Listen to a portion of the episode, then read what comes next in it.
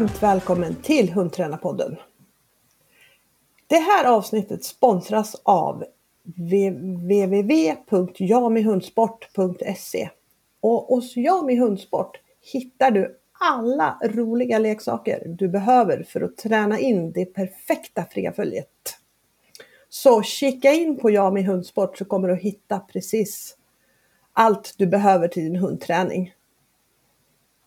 Hej Siv! Hallå Maria! Vi Nu fortsätter med sommarspecialen i podden. Ja, Och idag ska vi fortsätta med fri ved fot. ja, Vi har ju kommit till fortsätt och vi fann ut att vi har så mycket att säga om fri ved fot, för det är ett så stort moment att vi måste ha två avsnitt. ja, Och vi pratade sist gång om hur vi tränar in, hur man kan få bort hjälp och idag ska vi prata om hur man kan fortsätta träningen ända lite till och bibehålla en bra fri fot, för det är ju inte så lätt. Nej, det är ju inte det. Av flera orsaker. På vissa hundar så är det, kan det vara klurigt att bibehålla motivation över tid. På andra hundar, på, på rätt många hundar, så, så är ju utmaningen att hålla hunden i ett bra mod under hela programmet. Vilket inte alltid är så himla enkelt. Och det är Nej. kanske en av de klurigare sakerna i hundträning överlag. Att få rätt modus, tänker jag. Ja, enig.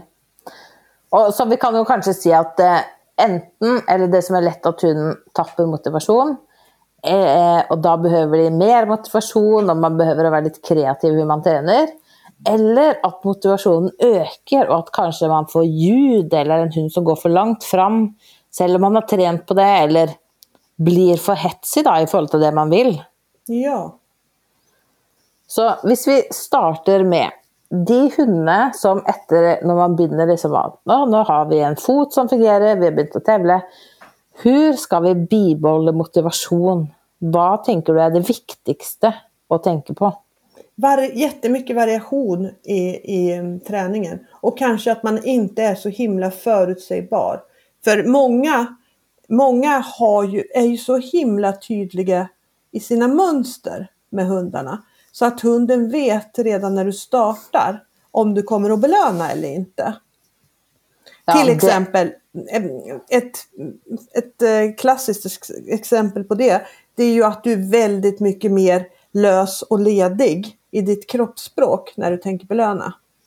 Sen när du, kom, när du är på tävling eller tävlingsmod så är du mycket mer stel och strikt i ditt kroppsspråk. Ja. Och det där, hundar, som är ju, hundar är ju döbra på att läsa av oss. Ja, det, det är faktiskt helt sant. Det där att man må, och det lättaste då är ju kanske att träna på att man ska vara lite mer strikt när man är på träning och har tänkt att belöna. För det syns jag är lättare att få till än att man ska vara lös och ledig på tävling. Ja, exakt. För det, det, är- det, det är man ju inte bara riktigt. Faktiskt. Och, ehm, och så tror jag också variation i hur man startar upp. Att inte man alltid gör in i utgångsställning, sitta några sekunder och så går vi fot. Att man kanske ska eh, liksom tänka med den hunden som behöver mer motivation, att vi kan starta med att hunden får gå igenom mellan benen upp på vänster sida och så går vi direkt. Eller kastar en godis när hunden kommer tillbaka, då startar vi att gå fot. Eller sänder runt någonting. Och när hunden kommer tillbaka går vi rätt in i fot. Så att det blir, ja, det blir lite variation. Mm. Eh, och att man kanske, inemellan må man ju göra allt då såklart, men att man kan skilja mer på, nu ska vi träna uthållenhet. Hur kan jag göra det utan att träna på starterna mina? Eller nu ska jag träna starterna mina, då tränar jag inte uthållenhet. Just det, så man separerar upp de olika delarna, vad man är ute efter för, för närvarande. Och så tror jag också variation i hur man belönar och vad man belönar med kan ju göra att det blir mer spännande för hunden att gå där. Kan du ge några exempel på eh, var, lite olika typer av belöningar då? Ja, jag tänker ju oftast med de hundar som behöver mer motivation så må belöningarna vara fartig. Ja, Alltså hunden må springa för att få tag i belöningen. Så för exempel, en belöning kan vara, jag säger bra, alltså klick och stick. Bra, ta fram en leksak, stick ifrån hunden. Eller två, kasta en boll. Tre, jaga godis i handen. Eh, fyra, sätta ner en skål med godis. Varsågod, springa till andra sidan banan. Här, här, här är det en till. Hon springer och tar den. Springer till nästa sida igen. Um, eller att man testar olika leksaker, olika typer godis. Ja, allt liksom för att förhindra att det blir ett mönster, att det blir oh ja, detsamma en gång till. Mm. Och, och jag, det... tänker, jag, jag tänker också här liksom att man är noga på när och var man belönar. För jag tror att många har en tendens när de märker att hunden börjar gå ner sig, då kommer belöningen. Ja, Eller ja. när hunden tappar, tappar fokus, då kommer belöningen. Men liksom, då, då hamnar man i en väldigt, väldigt ond cirkel som inte leder åt rätt håll. Liksom. Och hur ska man förhindra det? Eh, vi kommer ju tillbaka till det här med att ha en plan. Faktiskt. Ja. Så att eh, man ökar sannolikheten att, att, att hunden ska, ska göra rätt. Då. Eh, så att man gör det på, en, på, på, på rätt nivå. Det är ju en del. Ja, att man har förhåndbestämt hur många steg hunden ska gå. Exakt. Och det kan man enten göra bara genom att huska hur många steg eller sätta upp markörer.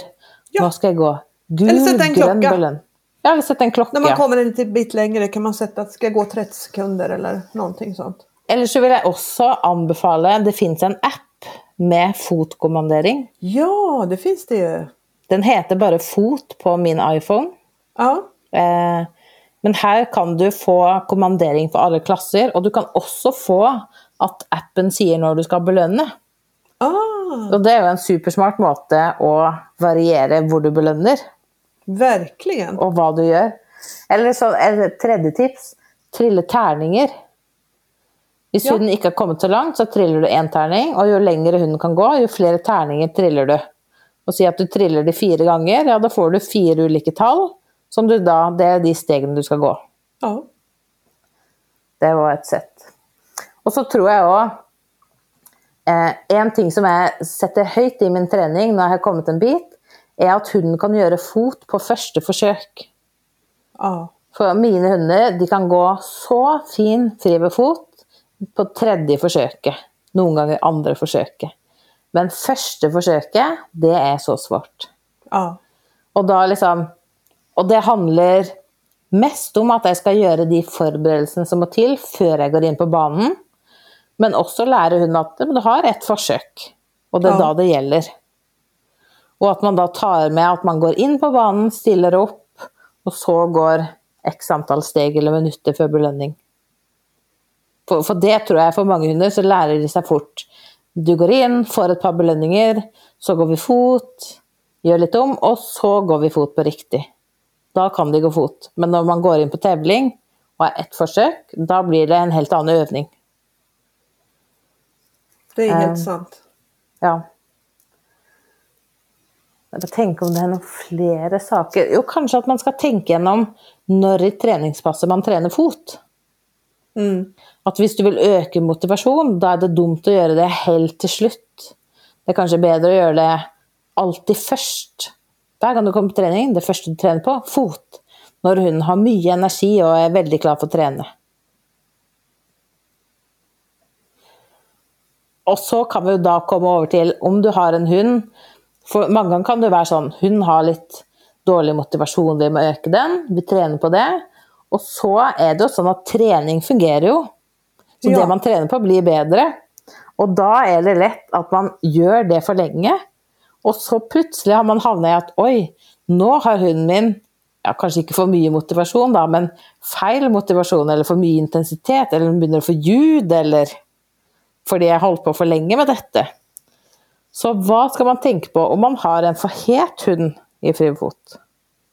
Ja, det är väldigt, väldigt många saker att, att, att tänka på där. Och kanske en smart sak att tänka på är det här som vi slutade förra med, rätt energi.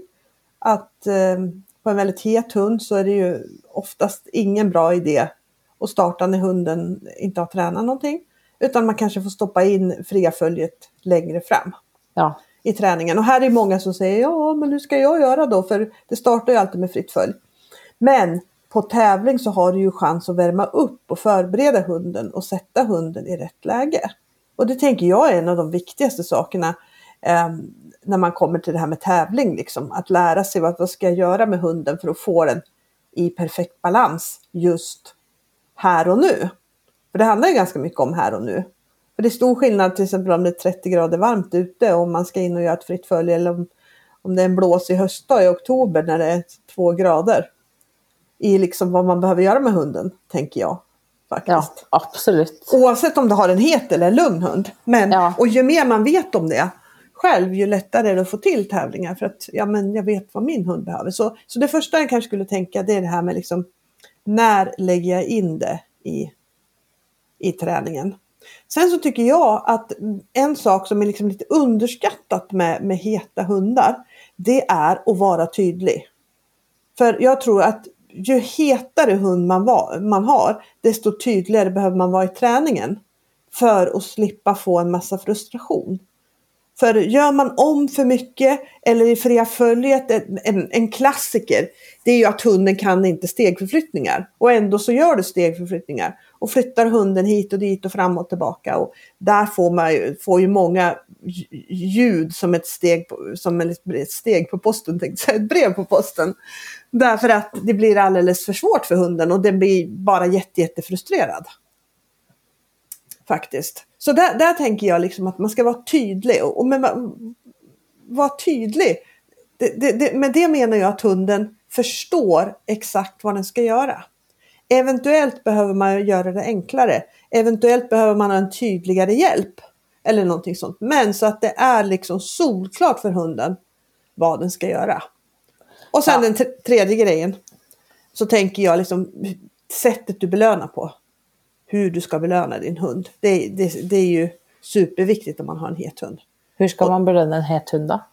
Ofta, nu, nu ska man säga, det, det är alltid svårt att säga generellt, men på de, på de flesta heta hundar så belönar jag med omvänt lockande både på leksak och godbit. Och framförallt är väldigt, väldigt noga med att alla belöningar ska komma utifrån 100% fokus, ingenting annat. Så den får liksom aldrig, kommer aldrig några belöningar om hunden liksom stökar efter belöningarna eller om den försöker ta belöningarna eller så, utan då håller jag dem alltid inne liksom. Så det tror jag är en super, super, duper viktig grej liksom. Och sen så, alltså det finns ju mycket med det där, men här är det också superviktigt att inte bygga några mönster. För det är ju någonting som verkligen kan ge frustration om hunden säger att du, brukar alltid få belöning där och nu får jag inte det. Så mycket, mycket, mycket variation där. Ja, ja, det tror jeg du har. Og jeg har brukt en del eh, lokking når jeg belønner, men jeg gjør det under marsj. Ja, Så jeg går fot normalt, og så plutselig kommer omvendt lokking fram. Og da må hunden fryse i posisjon. Hvis ikke den gjør det, hvis den tar et steg, ja vel, da tar jeg bort godiset eller leksaken, og så fortsetter vi. ja, Og det gjør at de blir veldig konsentrert, fordi plutselig kommer jo den belønningen, og da må jeg fryse. Så det er et sånn bra tips for hete hunder. Ja just det. Og så tror jeg òg det du skriver, det der med å ikke gå inn i mønster, at om man har gått inn i et mønster, da, og så har hunden mye forventning etter x antall steg, så kan man løse opp i det gjennom å gå baklengs marsj. Ja, just det. Og trene på å liksom bygge opp utholdenheten der, og så ta det inn i fot. Ja, Og da kommer vi litt tilbake til det vi prata om i forrige pod, med å lære inn fotposisjon baklengs og forlengs, både høyre og venstre side. ja, för då har man fyra olika positioner att jobba med. Ja, og fordelen med det er jo dels du kan se hunden når du går baklengs, og du kan trene alle posisjoner og stegforflytninger og vendinger og når du går baklengs. Sånn at du får virkelig liksom forklart hunden at selv om du går her og jeg går her, så skal du gjøre det samme. Da blir det lettere når du går fot. Ja. Och en, en annan superbra grej med det, det är ju så här att när hunden har när hunden har blivit ganska duktig på att gå fot. Jag upplever att ganska många hundar som kanske är 4, 5, 6 år, gått jättefint fritt följ. Plötsligt får de ljud i fria följet. Ah. Och jag tror att det beror lite på att du har kommit till en gräns när hunden kan gå fritt följ utan, utan att behöva anstränga sig särskilt mycket. Och när de, när, när, när de gör det, då, då, är det som de, då går de och börjar tänka på någonting. Och vad tänker hundar på när man tränar? Jo, belöningen. Och så får man lite frustration i det. Därför att hunden behöver inte koncentrera sig så mycket som den egentligen borde göra. Och, och, vi brukar ju ofta prata om att man ska hela tiden ta träningen till nya steg. Och inte göra, liksom hunden ska inte göra samma saker av sånt som den redan kan. Utan man ska liksom göra det svårare på olika sätt med störningar, med avstånd, med ja, men ändra på någonting hela tiden så att hunden hela tiden måste hålla skärpan uppe. Och då är ju det här med fyra positioner perfekt. Och vill man vara väldigt avancerad, då, då, då tränar du på att gå fot på vänster sida. Och sen ska din hund på ett kommando kunna byta och gå lika bra fot. Eh, antagligen på samma sida mitt emot dig, eller på höger sida, eller på höger sida mitt emot dig. Så att den liksom kan, det, det är jättesvårt. Men det är en ganska rolig övning faktiskt. Och det gör ju att att hunden kan aldrig sluta koncentrera sig för det är ju jätte, jätteklurigt faktiskt. Ja. Men jag är också väldigt förtjust att flytta hunden runt sådär i positionerna. För att det, det, det, blir lite, förutom precis som du säger att hunden får mer träning, för, mer jämn träning för sin kropp så blir det ja, men lite roligare tror jag, lite mer spännande för hunden. Och det är ett perfekt sätt att flytta runt när man tränar positioner och så här. Ja, for jeg må bare si, jeg har jo begynt å trene litt heelwork to music. Og ja. der skal jo hun gå i posisjon i jeg vet ikke hvor mange posisjoner. Men det har jo gjort at min frive fot har blitt bedre. Ja. Og samme de som holder på med rally, da skal hun gå like bra fot på både høyre og venstre side. Exakt.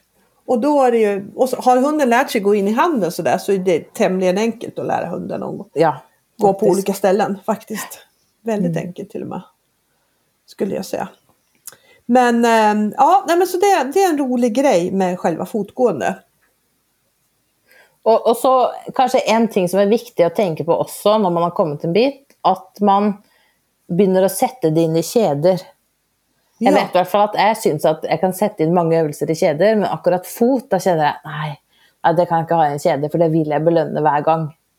Men att man kan tänka Eh, en, du må ha det inn i en kjede, for du må trene på at hunden ikke alltid får belønning der. Og to, at man kan gå ulike langt når man har det i kjeder. Exakt. Mm. Det er både liksom at man kan legge til noe etter, men også noe før. F.eks. gjør en rute hvor hun springer alt den kan, og så skal du gå fot. Eller gjør en fjær hvor hun må være lugn, og så går du fot. At den seg å veksle. Ja.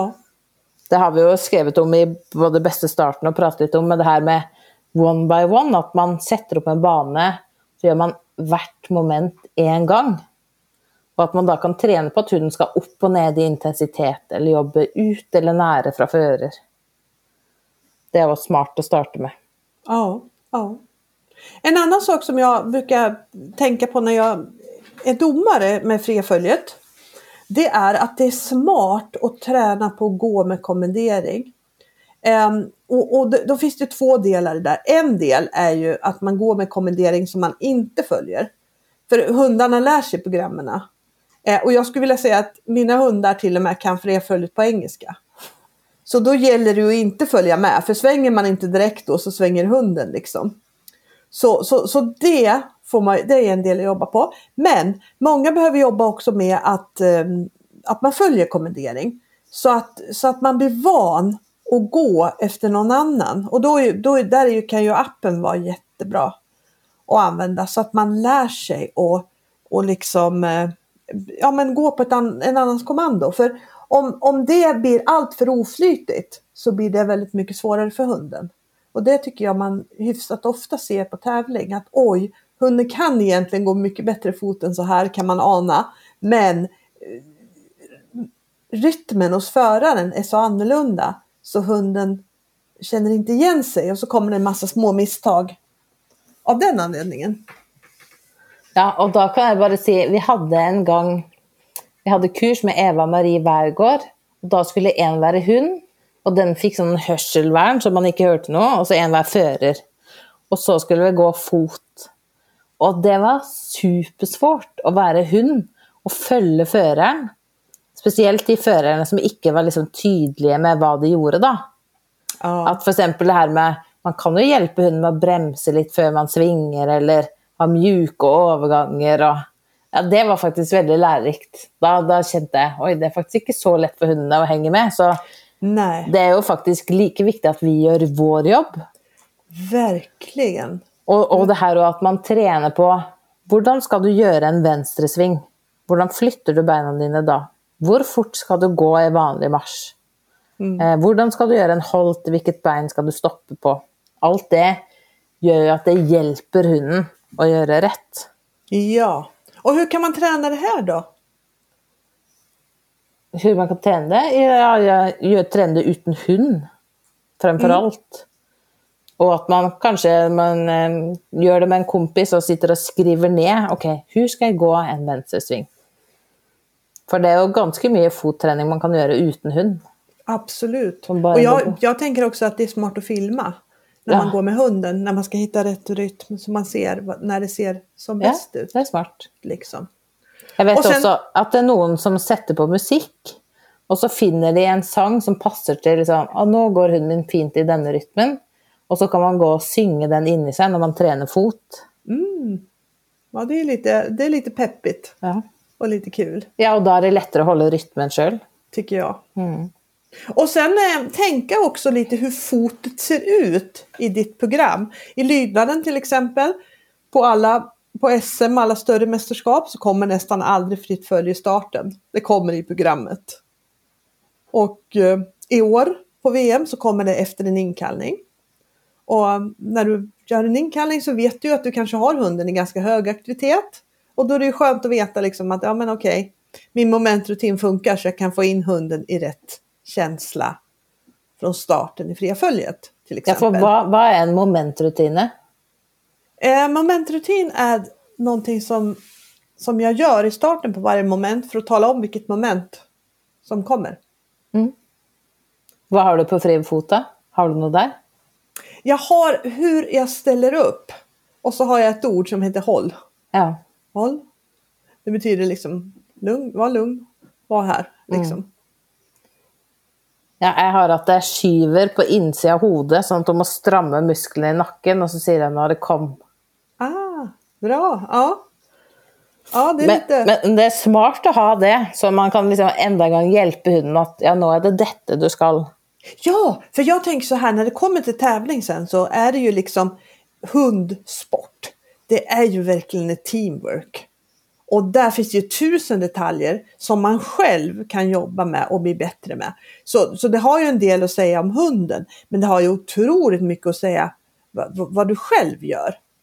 Och, och det finns så otroligt mycket att jobba på som du kan göra här. Och det är väl, ibland väldigt, väldigt små nyanser som kan göra ganska stor skillnad. Och det gör ju att, det, i alla fall, det, det, eh, jag, brukar, jag får frågan ibland, liksom, jag har ju tränat och tävlat ganska länge, liksom, man inte tröttnar.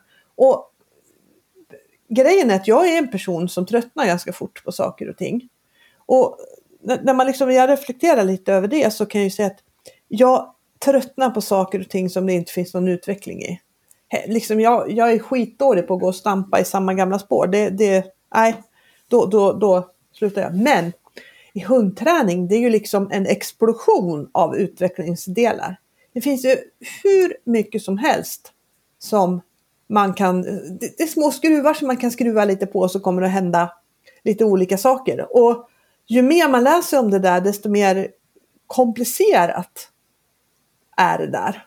Eller komplicerat behöver det inte vara men eh, jag tänker så här att man, liksom målet när man tränar det är att man ska kanske få fram det bästa man har i varje hund. Och, och ju mer jag kan små saker jag kan skruva på då desto chans, större chans att jag kan få fram det bästa liksom. Och, och då kommer det roliga delen in att det faktiskt är väldigt mycket teamwork. Ja. Det handlar inte bara om hunden utan det handlar väldigt mycket om, om mig då som förare. Och jag kan också säga ett sånt superbra tips om man vill öka sin egen motivation för att träna fot. Og, men også sterke hundens fokus, det er å se på monitoring-tevlinger på Facebook eller på YouTube, Ja, og se hvilke størninger man får der i fot. For Just der skal man det. jo gå fot over saker og gjennom og rundt. Og det jo perfekt å trene det, uansett hvilken sport du skal være. Eh, trene på at du kan gå fot, og så kaster noen en ball til deg som du skal ta imot, kaste tilbake. Gå med en paraply, åpne den. Trille en trillebår. Ja, altså det fins Her kan man bare være kreativ, da. Men Ja. alt det gjør jo at det blir variasjon. Men det forteller til men du skal bare gjøre det samme. Hold fokus, hold posisjon. Ja, det är helt sant. Och sen se på hur det ser ut i, i den grenen som du tävlar. Det ser ju lite olika ut liksom. En klurig sak på IGP tycker jag är dels ett, du går in tillsammans med en annan hund. Du ska hälsa på domaren. De bitarna är ju liksom, okej, det är en liten störning mitt i. Men sen, på de sista tävlingarna jag har varit på, då har du fått gå till startpunkten och ställt dig och säger de, ställ upp på startpunkten, stå stilla där. Och man bara okej, och så ska de gå och lägga plats med den andra hunden. Då ska du stå med din hund där och det kanske tar mellan en och två minuter. Sen ska du starta fritt följ. Utan att ha fått gjort någonting där. Får man röra på sig lite eller får man göra ett omtag och sätta om hunden så då blir det lite lättare tycker jag. Men just att stå stilla så där länge och sen starta. Det vara tycker jag är svårt, det. klurigt Ja. faktiskt. Och det Ja. får man ju också hålla på och prova och experimentera med vad man ska göra liksom. Man sätter lite förväntan i det, men sätter man för mycket förväntan då blir det inte bra i starten. Eller nej, där, där finns det många skruvar att och, och, och vrida på. Faktiskt. Ja, ja den, den var klurig. Ja, den är klurig Mm. faktiskt. Ja. Har vi något mer vi kan säga jeg här? satt akkurat og tenkte på det. Er det noe som vi har glemt å si? Eh, Kanskje Hvor lang tid tar det å trene inn en fri ved fot?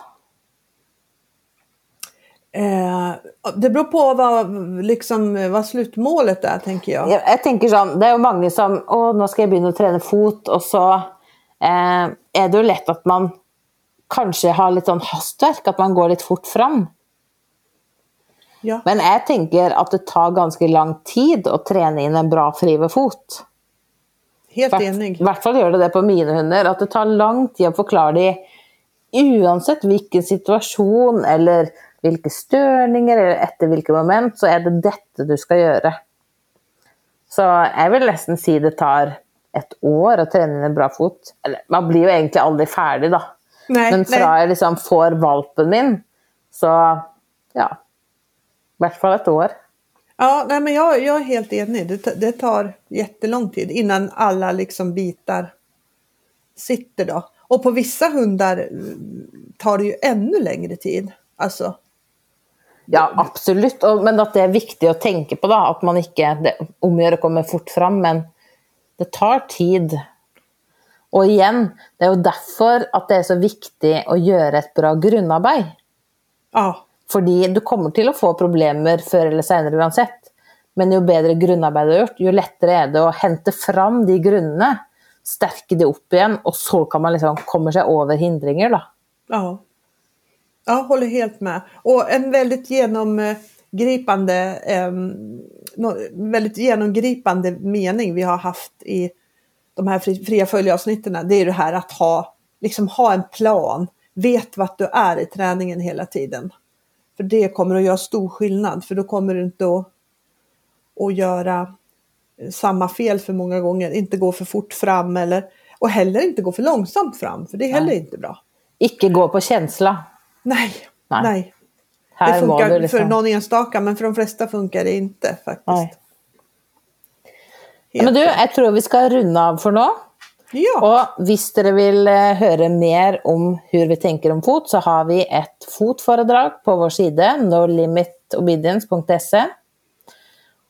Og hvis dere har noen frågor til dette avsnittet, så kan dere skrive de på Instagram eller Facebook under inlägget så ska vi försöka svara så gott vi kan.